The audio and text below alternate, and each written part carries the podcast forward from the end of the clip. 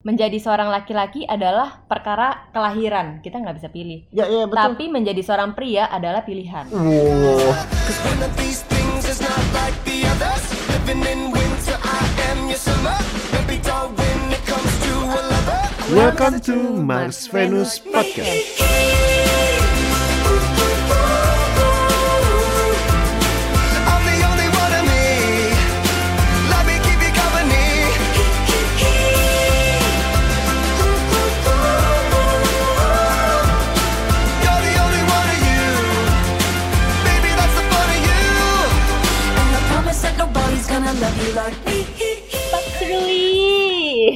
Sekali. Ba- Idaman. bagus selesai nonton ya. Yoi.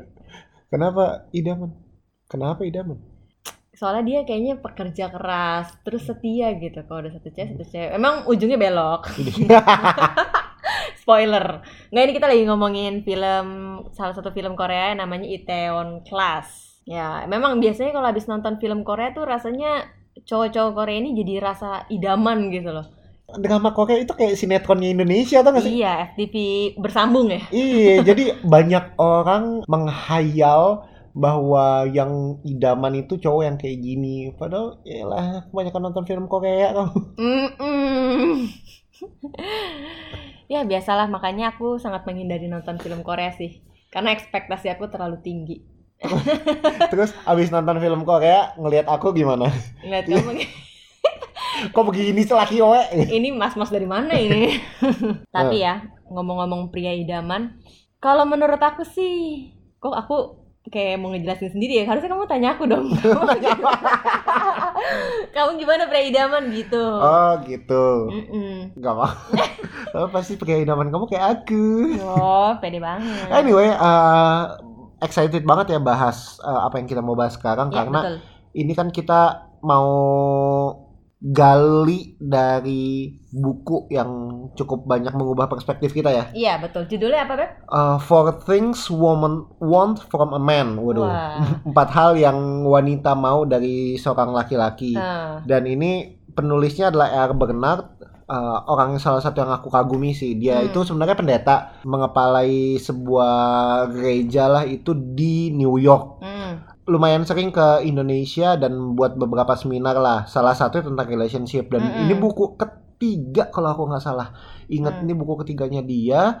Pas banget dia lagi nulis tentang hubungan. Ya. Yang which is kan kita baca ya. hmm, Dan Dr. R. Bernard ini pas kita lagi podcast sekarang ini nih dia memang lagi terkena COVID sih, COVID-19. hmm. Eh, ya sama-sama berdoalah dia Hmm. bisa cepat pulih dari kondisi ini.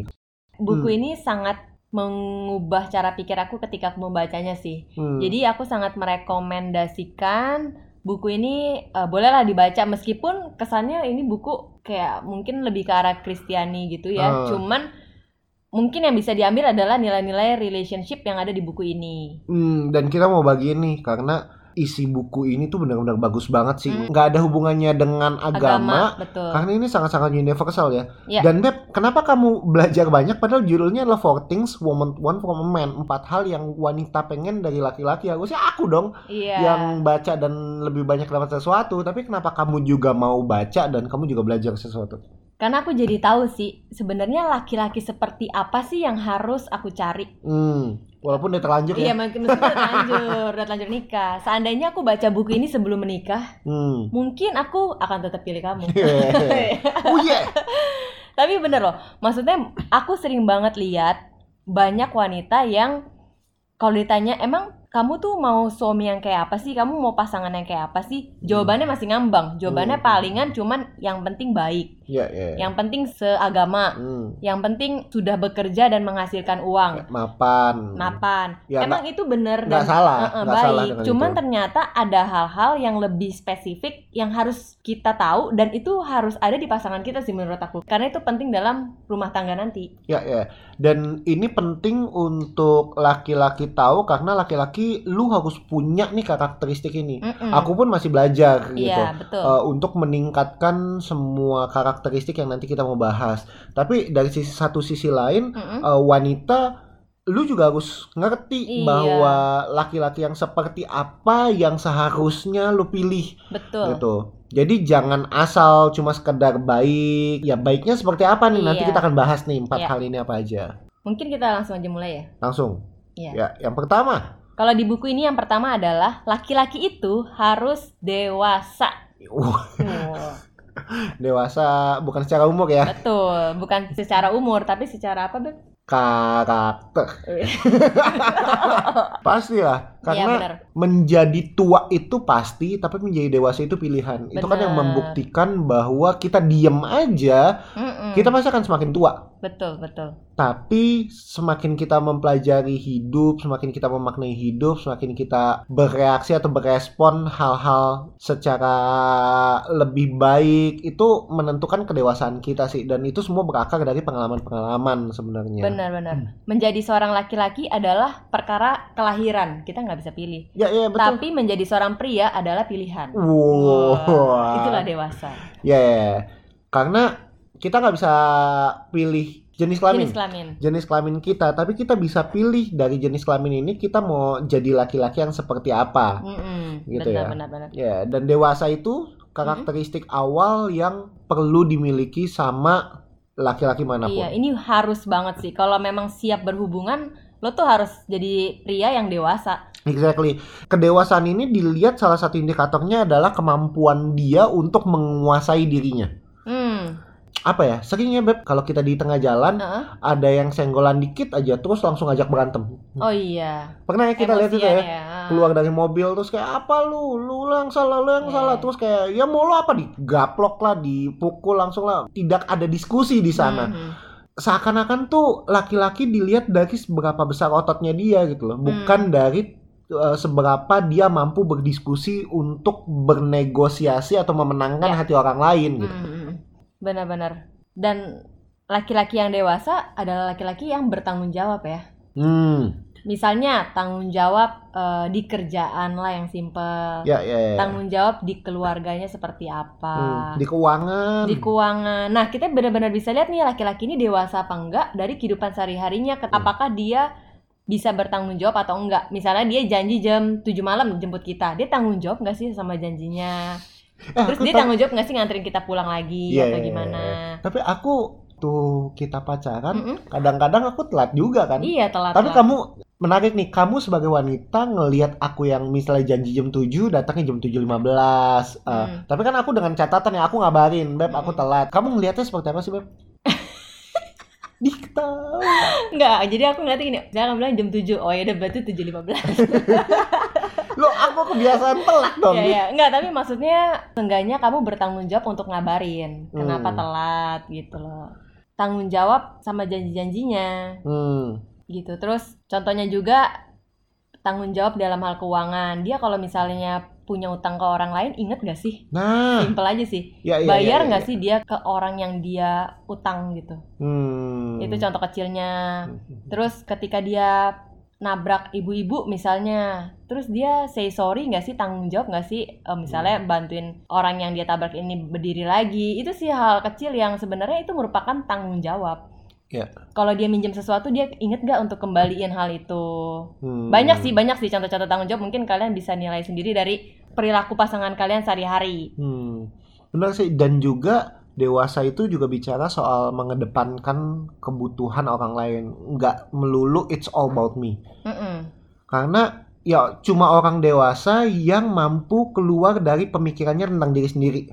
Iya It's not sih bener. only all about me, tapi juga ada kaitannya dengan orang lain. Ya sebenarnya agak mirip sih sama yang tadi kamu bilang sih, dia mikirin keluarganya atau enggak. Hmm. Misalnya kalau dia udah punya gaji, dia mikirin cuma tentang kebutuhannya dia atau dia mikirin yang lebih panjang. Misalnya Hmm. Eh, ya gue nabung buat menikah misalnya atau Hmm. gue nabung buat biayain orang tua gue ke suatu tempat misalnya ada yang beberapa kan te- eh, teman-teman aku yang aku kenal mau biayain orang tuanya umroh atau naik haji Heeh. ada berapa yang mau ke tanah suci ada berapa yang mau nerbangin orang tuanya sengaja ke luar negeri karena orang tuanya nggak pernah ke luar negeri atau ada yang yang aku kenal juga mau sekolahin anak orang lain yang Iya. tidak mampu yang nggak harus sosial-sosial gitu, tapi Iya. lebih ke arah apakah semua ini kita ngomong konteks keuangan ya.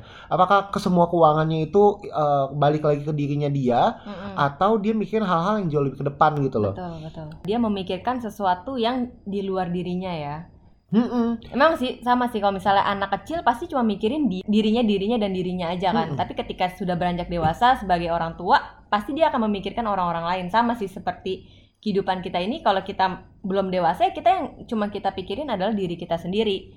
Ya, ya. Ya contoh kecilnya lagi kalau lagi ngumpul-ngumpul selalu nungguin dibeliin sama temennya atau kadang-kadang inisiatif beliin yang Oh, lain. Kita kan juga bisa lihat dari pertemanannya dia seperti apa. Mm-mm. Dia kadang-kadang eh, mau berkorban nggak buat orang Benar, lain. berkorban nganterin orang lain nggak gitu loh Mm-mm. bukan kita mikir ya dia dia nganterin cewek ya kalau nganterin dia dia terus saya patut lo curigain gitu Hmm. cuma kalau misalnya lagi pergi sama teman-temannya yang dianterin lu nih karena lu pacarnya tapi yang lain eh, walaupun searah misalnya nggak bahkan dimintain atau ditawarin untuk dianterin juga enggak itu Hmm. kan juga question mark gitu loh Mm-mm. Nah aku pernah nemuin tuh kita kan di komunitas barang tuh ya ada satu cowok karena aku tahu dia lagi PDKT sama si A si cewek A ini setiap kali komunitasnya selesai si cowok ini selalu ngajak A pulang mulu. Padahal si B C dan D itu rumahnya dekat sama si A. Hmm. nggak ada yang diajakin pulang ya kayak ya elah nih cowok cuma mau uh, Ya. nganterin pulang orang yang dia deketin doang Hmm. sedangkan yang lain tuh di masa bodohin gitu loh nah Hmm. buat aku itu contoh yang tidak dewasa sih Ya, betul. karena it's betul. all about me. Gue pengen pengen punya waktu sama si A nih. Iya. B, C, D, lo gak usah ganggu gue gitu. Ya Hmm. agak lucu sih sebenarnya. Iya, iya. Mentingin diri sendiri ya. Mm-mm. Dan sebenarnya orang yang dewasa itu adalah orang yang mau berubah. Hmm. Jadi kalau misalnya nih bisa dilihat juga nih, kalau misalnya calon pasangan kita atau pasangan kita dibilangin sama sekali nggak mau berubah. Hmm. Jadi kayak ya udahlah nih cara gua, cara gua emang kenapa? Gua nggak Iya. mau berubah, lu aja yang ikutin gua. Nah itu berarti salah satu ciri bahwa dia belum dewasa. Hmm. Karena orang yang dewasa, meskipun dia punya prinsip, dia pasti akan mendengarkan masukan dari orang lain. Ya, ya. Kalaupun itu nggak sesuai prinsipnya, dia akan bilang dengan baik-baik, eh, memberikan pengertian yang baik sama kita. Gitu sih. Ya, karena satu-satunya yang konstan adalah perubahan itu sendiri ya. Hmm, Baik itu lingkungan yang berubah atau kita yang akan terus-menerus berubah Iya, sesuai dengan kondisinya mau nggak mau. benar-benar. Terakhir mungkin dewasa juga yang aku pahami adalah orang yang mau berpikir panjang sebelum bertindak, nggak reaktif gitu loh. Kalau kesel marah misalnya, Hmm, Eh, coba berpikir panjang karena bisa jadi eh, apa yang kita lakukan itu efeknya tuh apa ya? Ada efek jangka panjangnya itu, gitu loh. hmm. Jadi sempat dipikirin atau enggak? Jadi sebenarnya kalau poin dari dewasa tadi adalah orang yang dewasa adalah orang yang mampu menguasai diri, orang yang bertanggung jawab, orang yang mau berubah, orang yang mengedepankan kepentingan orang lain, Dan orang yang mau berpikir panjang. Hmm. Ya, itu salah satu contoh-contoh orang dewasa ya. Hmm. Karena akhirnya wanita akan lebih mudah tunduk sama pria yang dewasa, ya nggak sih? Iya benar. Kita lebih respect sih sama pria-pria dewasa. Mohon Hmm. maaf aja nih ya. Karena gimana ya kalau ngeliat orang yang kekanak-kanakan juga males aja gitu. Rasanya sebagai cewek pengen Hmm. ngatur jadi Iya. Karena cuma Males. pria dewasa Mm-mm. yang mampu membawa wanita itu ke posisi yang lebih baik. iya Jadi wanita lebih aman, lebih ngerasa aman gitu, feel safe, secure secure. secure. Betul betul. Yang pertama ya, Itu poin pertama adalah dewasa. dewasa, Poin kedua adalah pria itu harus tegas. tegas, decisive. Maksudnya gimana sih tegas? Tegas itu sebenarnya adalah orang-orang yang mampu buat keputusan sih, Hmm, atau pria-pria yang mampu buat keputusan. buat keputusan. Karena kalau enggak, cewek akan lebih gegetan gak sih? Iya. Nah sebenarnya banyak loh zaman sekarang ini cowok yang nggak bisa ambil keputusan. Hmm. Jadi lebih ke arah ceweknya yang nentuin nih abis ini kita mau ngapain, abis ini kita mau ke mana, nanti setahun lagi kita harus gimana gitu. Paling gampang deh, Mm-mm. ambil keputusan adalah lagi PDKT nih. Lo bener gak sih mau PDKT cuma sama dia? Hmm. Ada satu kondisi di mana si cewek ngerasain nih cowok lagi PDKT-in gue atau enggak. Oh ya ya ya. Jadi sebenarnya ya lu nya sendiri mau gak sih PDKT sama gue? kok dari semua perilaku lo menyatakan iya Hmm. PDKT sama gue, tapi kok nggak pernah ada obrolan ke sana. Hmm. Nah, usut punya usut, ketika aku punya temen yang kayak gitu, cowok yang kayak gitu, mereka tuh takut ambil keputusan. Oh takut nggak diterima apa gimana? Iya, ada bagian takut tidak diterima tapi Mm-mm. lebih ke arah takut apakah dia eh, cewek yang benar-benar gue mau atau enggak Oh, kayak oke. ya kalau lo udah berani PDKT-in ya Mm-mm. coba cari tahu dulu tapi at least Hmm. ngomong gitu loh betul. berani ambil keputusan bahwa ya gue pengen PDKT-in lo kita pendekatan kita sama-sama saling kenal ya nggak cocok ya sudah tapi seenggaknya cewek jadi jadi jelas Betul. eh, lu tuh ngapain dia ngapain dia ya tapi Tujuannya apa? tujuannya apa Ah. gitu Iya, iya, iya. Benar banget sih. Cowok itu harus tegas bahkan dimulai dari PDKT. hmm Terus tegas itu sebenarnya bukan cuman kata-kata ya. Kadang-kadang kita bisa tegas dalam kata-kata nih kayak gue itu orangnya jujur, gue itu orangnya pekerja keras, tegas dalam berkata-kata. Dia kayak yakin gitu bahwa dia tuh orang yang seperti itu. Tapi sebenarnya tegas itu dibuktikan dari tindakannya. Hmm. Kita bisa lihat dari tindakannya. Jadi bukan cuman yang kita lihat tuh dia tegas nggak sih dalam berbicara enggak, tapi tegas nggak sih dalam bertindak juga. Ya ya Jadi ya. harus selaras sih apa yang dia katakan Walk the sama talk apa. ya? Iya, walk the talk benar. apa yang dia sampaikan apa yang dia lakukan itu selaras gitu ya Mm-mm, benar. ngerti sih eh, karena sebagai cowok aku paham banget ada yang namanya beban tersendiri dalam membuat keputusan karena nggak gampang tahu Benar, buat keputusan benar, benar. karena impactnya mending kalau impactnya tentang diri sendiri Mm-mm. tapi kan ini impactnya juga berpengaruh sama orang lain Iya. jadi buat kita para cowok juga punya beban Mm. cuma kalau cowok nggak bisa deal sama beban tersebut Mm. ya cowok-cowok itu nggak akan apa ya nggak akan bisa tegas dalam kehidupannya Mm. karena jadinya menunggu ketegasan dari orang lain Iya.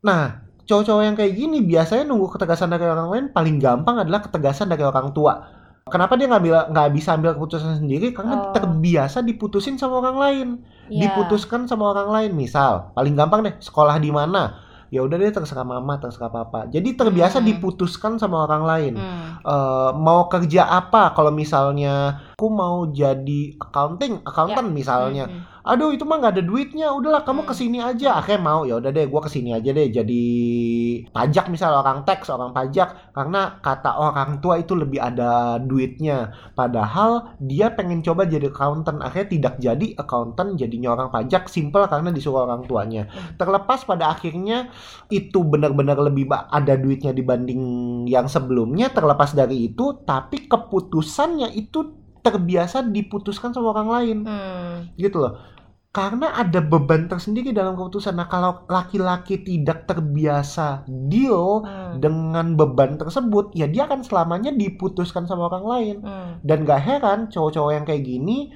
justru keputusannya di drive sama yang wanita nah kadang-kadang wanita gegetan aja sama yang cowok-cowok yang kayak gini Iya, iya. Tapi emang banyak yang bilang bahwa beberapa pria itu memang sifatnya lebih stabil. Hmm. Ibaratnya stabil. Nah, gue tuh emang orangnya stabil dan sulit membuat keputusan. Hmm. Nah, membuat keputusan ini sebenarnya bisa dilatih sih menurut aku. Exactly. Memang beda antara emang mau buat keputusan sama enggak. Hmm. Ada beberapa orang yang mau membuat keputusan tapi memang lama. Itu nggak apa-apa. Yang penting dia membuat keputusan. Hmm. Ada beberapa orang yang cepat. Hmm. Nah, tapi ada beberapa orang juga yang nggak mau memutuskan nunggu aja sampai bertahun-tahun, am- sampai orang lain yang memutuskan itu baru dia ambil. Exactly. Makanya tidak ada hubungannya antara orang stabil yang memang Iya. gayanya stabil Uh-uh. dengan orang yang tidak terbiasa melakukan keputusan. Betul. Cuman soal waktu ya, antara Betul. cepat atau lambat Betul. doang. Kalau Hmm. kita ngomong decisiveness atau ketegasan, Mm-mm. eh, kemampuan untuk mengambil keputusan, gaya orang beda-beda. Ada gaya orang yang cepat, Mm-mm. ya. Decisive, atau gaya orang yang lebih lambat, Mikir. lebih mikir, lebih observant. Lihat dulu, Iya. gali dulu datanya, nunggu dulu, bukan nunggu diputusin sama orang lain, Hmm. tapi justru nunggu apa ya? Dia diyakinkan gitu loh Oh, oke. dia dia yakin bahwa yang jadi keputusan itu benar dan itu Hmm. memang butuh waktu lebih lama Iya. gitu ada dua tipe itu kan It's Ada- okay ya. dan it's Mm-mm. okay selama tujuannya adalah dia tetap memutuskan Iya. nah masalahnya adalah laki-laki yang tidak terbiasa memutuskan baik itu cepat maupun lama dia akan hidup dengan keputusan orang lain terus menerus Iya. dan wanita akan ngerasa nggak aman sama cowok yang kayak gini Hmm. Kalaupun ada orang-orang yang lebih stabil, lebih la- eh, cenderung lama dalam membuat kepu- keputusan, ya komunikasikan. Mm-mm. Komunikasi apa yang menjadi pertimbangan sehingga Iya. belum diputuskan itu akan jauh lebih membuat wanita aman Betul. dibanding tidak disampaikan sama sekali. Hmm. Karena kecenderungannya adalah eh, asumsinya adalah ya lu nggak bisa ambil keputusan. Iya, benar-benar. Kadang-kadang wanita ini melihatnya pria ini nggak bisa ambil keputusan padahal di otaknya sedang memikirkan banyak hal. Hmm. Makanya lebih baik kalau pria-pria mau ambil keputusan disampaikan pertimbangan-pertimbangannya ke si pasangannya ini. Hmm, hmm, hmm. Supaya seenggaknya wanita tahu bahwa lu tuh lagi mikir gitu, lu tuh nggak diem aja. Dan keputusan itu juga kita bicara soal kualitasnya sih beb. Hmm, hmm, Eh, betul. karena nggak cuma sekedar kemampuan untuk mengambil keputusan, Mm-mm. tapi kualitas keputusan yang dihasilkan tuh apa? Ya. Gitu. Jadi buat pria nih jangan sekedar asal ambil keputusan, tapi Hmm. biasakan untuk selalu mengevaluasi kualitas dari keputusan itu impactnya seperti apa. Hmm, hmm, hmm. Gitu sih. Karena buat aku sih cowok itu ya keputusannya harus bisa dipertanggungjawabkan sih ya balik Betul, lagi yang ke ke pertama ya. Eh, Hmm. keputusan itu bisa dipertanggungjawabkan nggak dia dewasa nggak Hmm. dengan hasil keputusannya itu Hmm. Nah satu lagi ketegasan itu bicara juga soal prioritas. Karena kalau misalnya kita nggak tahu prioritas susah buat para pria tuh untuk tegas. Misalnya sekarang setelah jadian apa sih prioritas kamu? Hmm. Karena ada beberapa kasus nih yang curhat setelah jadian malah si pria lebih mengutamakan ngumpul sama teman-temannya dibanding memberikan waktu lebih banyak sama pacarnya atau sama keluarga pacarnya misalnya. Hmm. Nah itu tuh bicara soal prioritas. Kita bisa ngomong bahwa prioritas kita adalah keluarga, prioritas kita adalah pasangan. Tapi kalau misalnya nggak dibuktiin dengan waktu sama aja bohong. Karena kita bisa tahu nih prioritas orang tuh sebenarnya apa sih? Ya. Itu dari pertama di mana dia menghabiskan uangnya. Ya. Kalau dia banyakkan menghabiskan uangnya di hobi, berarti itu adalah prioritasnya. dia ya Kalau dia menghabiskan uang banyak eh, untuk membangun hubungannya, ya berarti hubungan itu adalah prioritasnya. Hmm. Yang kedua adalah waktu, waktu sih. Hmm. di mana dia paling banyak menghabiskan waktunya apakah di keluarganya kalau dia ngomong prioritasnya keluarga harusnya dia menghabiskan waktu cukup banyak. banyak. di keluarga nah makanya kita harus bisa tegas soal prioritas Ya, ya. Dan ini juga penting sih buat pria eh, tahu bahwa ketika kita ada di level yang berbeda itu menuntut Hmm. prioritas yang berbeda. Betul. Contoh dari single ke pacaran, kita nggak bisa bilang sama pacar kita lah, gue udah sama teman-teman gue lebih lama daripada gue kenal sama lu. Ya benar, cuma kan sekarang kan status lo udah bukan single lagi, bukan lajang lagi. Lu tuh udah punya pacar, gitu loh. Jadi dia juga mau diprioritasin. Hmm. Walaupun sebelum pacaran lu uh, punya waktu banyak sama teman-teman lu, ya sekarang harus ada bagian dari waktu, perhatian, uang, tenaga dan lain sebagainya yang lo harus kasih sama level lo yang berikutnya itu adalah pacar lu. Dan ketika lo menikah, itu juga pasti akan berbeda banget tuh level prioritas lo harus lebih banyak ke keluarga inti Hmm, lo yang hmm, sekarang ketika betul. menikah dibanding ke temen-temen lo ke pekerjaan lo bahkan Hmm. ke orang tua lu justru porsi orang tua harus jauh lebih sedikit daripada ke suami atau istri Hmm. ketika sudah menikah. Hmm. Jadi prioritasnya udah pasti beda. Jangan berlindung di balik alasan lah.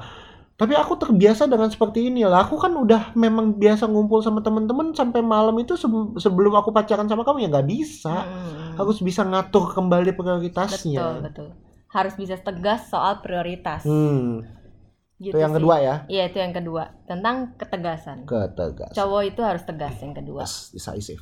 Yang ketiga, Yang ketiga adalah pria itu harus Konsisten. konsisten. Sulit nih ya. ya di atas ya, tidak di atas tidak. Hmm. Kalau iya iya, kalau enggak enggak ya. Mm-mm. Jelas dong. Konsisten. Konsisten adalah bagaimana melakukan hal yang benar dan tepat secara terus-menerus tanpa ada situasi tertentu. Contoh, kalau emang dia jujur, ya dia di depan kamu jujur, di belakang kamu dia juga jujur. Hmm. Kalau dia memang dasarnya suka memberi di depan kamu, dia suka memberi. di Betul, belakang kamu betul. pun dia tetap suka memberi. Konsisten. Hmm. Kalau dia memang orangnya pintar, suka belajar banyak pengetahuan di depan kamu dia pintar di belakang kamu dia juga gampang bergaul sama orang Betul, lain betul. tapi ini dua belah mata pedang nih sebenarnya Hmm, kalau dia di depan kamu dia hangat mm-mm. di belakang kamu atau sama orang lain dia juga hangat. Terutama buat pria eh buat wanita ya. Jangan berpikir bahwa aduh nih cowok hangat banget baik banget kalau ngomong tuh lembut banget. Ya udah sama gua aja. Lo sama cewek lain jangan lembut-lembut ngomongnya ya nggak bisa. Hmm. justru kalau dia juga lembut sama orang lain menunjukkan bahwa pria itu konsisten sama kelembutannya. Iya iya benar benar benar benar benar.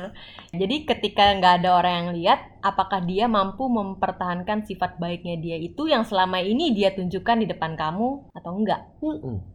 Justru ujiannya datang ketika di belakang kita ya, Betul. ketika nggak ada yang lihat. atau nggak paling gampang gini deh apa yang dia lakukan berdua sama kamu Mm-mm. sama ketika dia lakukan di depan teman-temannya konsisten atau enggak Hmm. Karena ada loh eh, yang waktu berdua serius mentok kayak Iya. buset nih orang kalau ketawa kayaknya irit banget gitu loh. Mhm. Tapi di depan teman-temannya ketawa mulu. Iya. Rasanya tuh eh, se- semua jokes-jokes receh tuh menjadi sangat lucu. Padahal kalau berdua di- Serius. dikasih jokes receh aja kayak kamu apaan sih? Kamu kenapa sih? Hmm.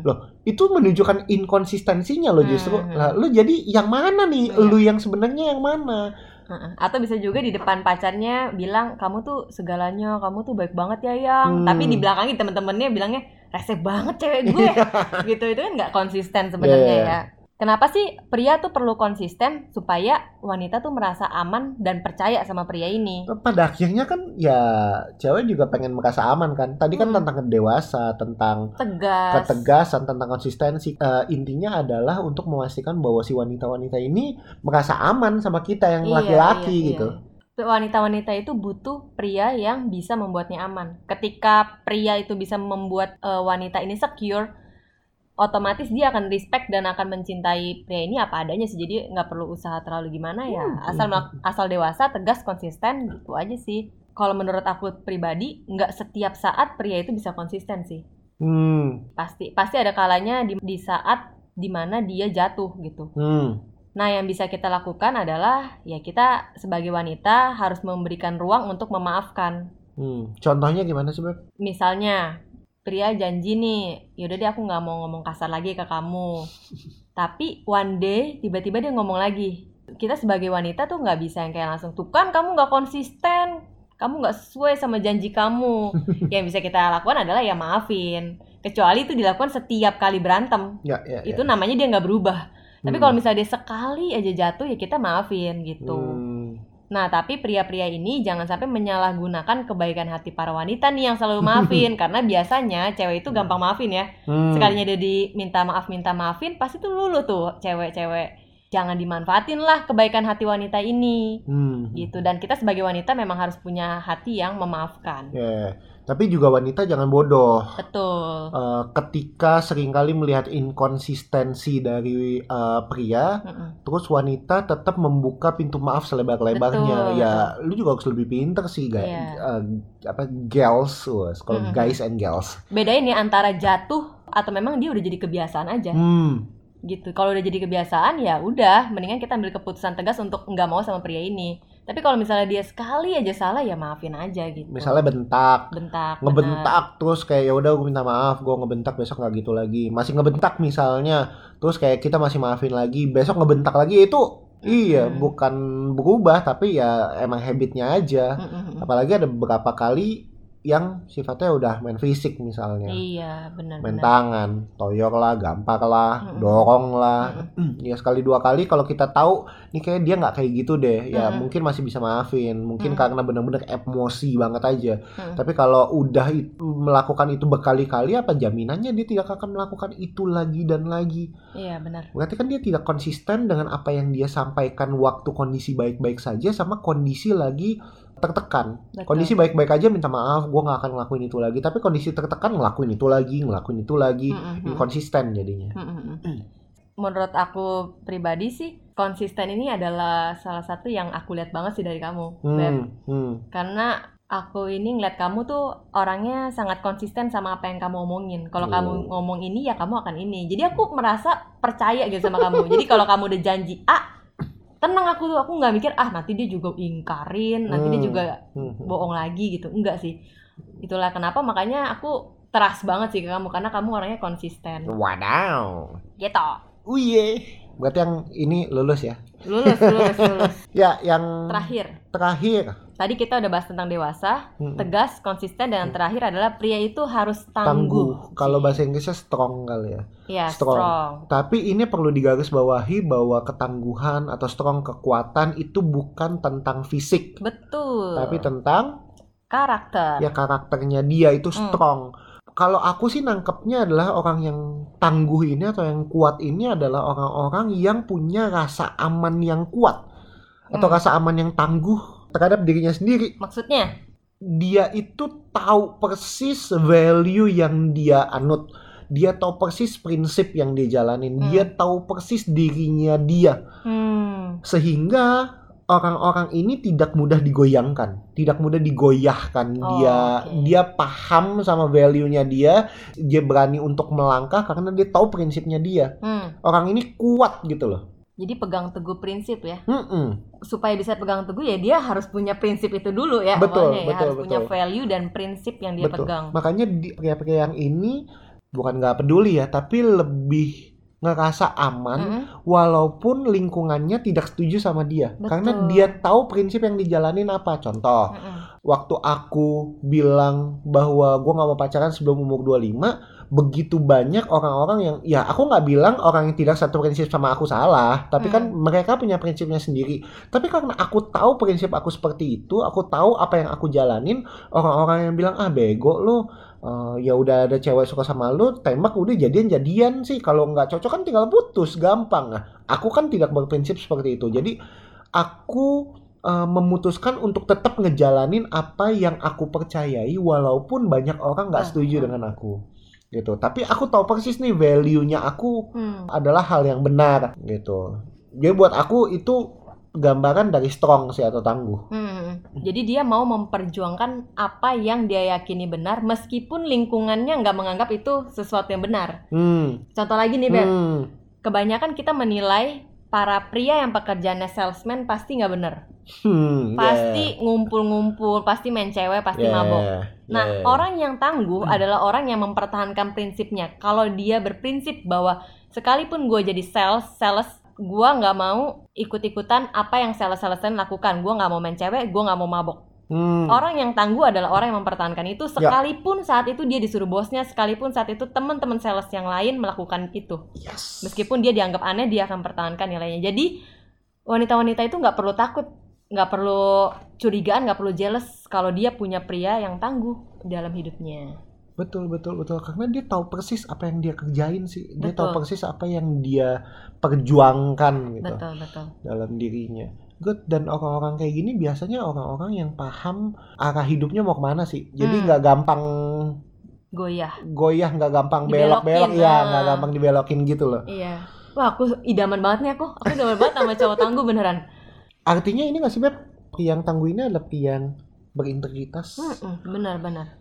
pria yang apa ya mampu bertahan dalam semua badai karena dia tahu apa yang sedang dia jalani dan perjuangin. Orang yang pegang integritas lah, Iya. nggak gampang digoyahkan. Ya good lah. Iya. Tapi ada satu paradoks beb. Mm.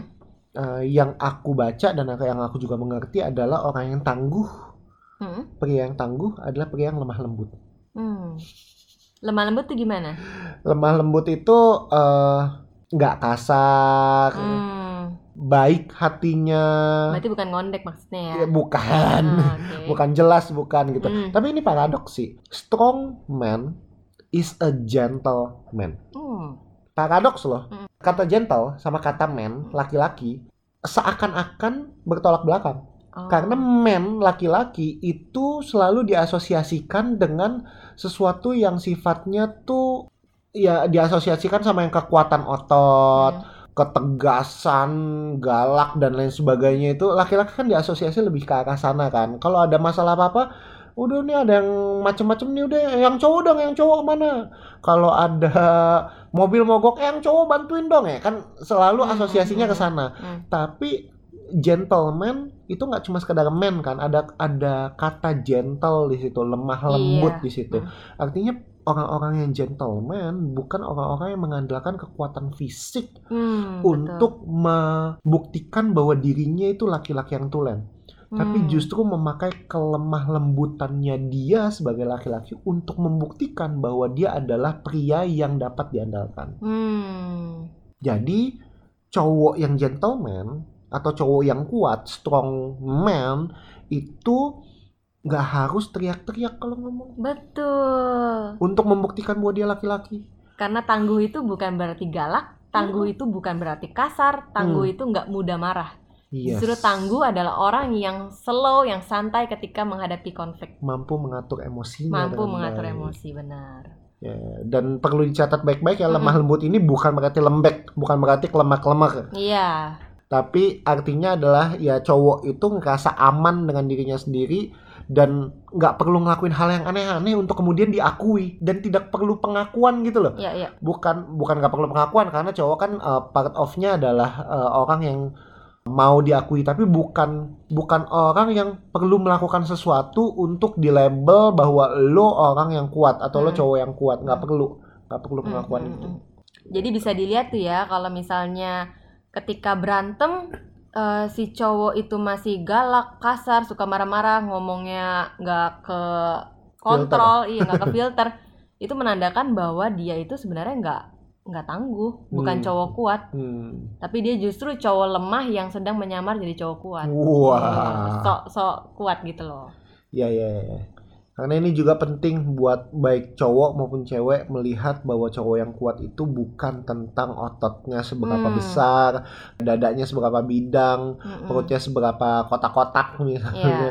Tapi cowok kuat adalah cowok atau laki-laki yang mampu bertahan di dalam prinsipnya aman sama Betul. dirinya sendiri dan juga lemah lembut dalam setiap tindakan-tindakannya. Betul. Ini eh, dapat ilustrasi dari buku itu juga bagus sih. Hmm, pria yang lemah kalau misalnya disuruh mindahin barang yang berat apa sih yang dilakuin dia akan berusaha sekuat tenaga untuk mindahin barang itu Hmm. terus mungkin dia sambil marah-marah kayak uh kayak mengeluarkan semua emosinya untuk mengangkat berat itu itu kalau cowoknya lemah tapi cowok yang kuat kalau disuruh angkat eh, benda yang berat pasti dia akan santai aja kan karena dia kuat nggak Hmm. perlu marah-marah nggak perlu Hmm. sampai mengeluarkan semua tenaganya untuk mengangkat barang itu gitu sih justru cowok yang kuat adalah cowok yang tenang Dan dari keempat hal ini sih Mm-mm. menurut aku dewasa, tegas tegas, eh, Konsisten. konsisten dan juga tangguh atau kuat eh, dengan memiliki keempat karakteristik Hmm. ini eh, wanita akan akan dapat dua hal sih menurut aku. Hmm, Satu perasaan dikasihi, dua perasaan dilindungi, love Hmm. and protected. Ya. Nah dua hal ini akhirnya ini yang membuat cewek atau wanita itu ngerasa tetap aman dan pengen eh, sama pria yang punya empat karakteristik ini. iya benar Buat aku ini bagus banget sih empat karakteristik ini. benar banget Dan, aplika- applicable banget, Hmm. bisa banget diaplikasikan baik secara laki-laki maupun wanita yang mencari pria Betul. yang karakteristiknya seperti apa. buat para wanita ini adalah pelajaran yang bisa kita ambil Mhm. ketika kita mau memilih pasangan hidup kita dan buat pria ini adalah pelajaran yang harus dilakukan untuk menjadi pria yang diinginkan oleh wanita-wanita. Wanita-wanita. Di, di- Jadi banyak dong. Banyak dong. Ya di ya diidamkan oleh wanitamu lah. Iya ya. Jadi Pak Seruyi punya keempat ini nggak? Eh Dan jangan coba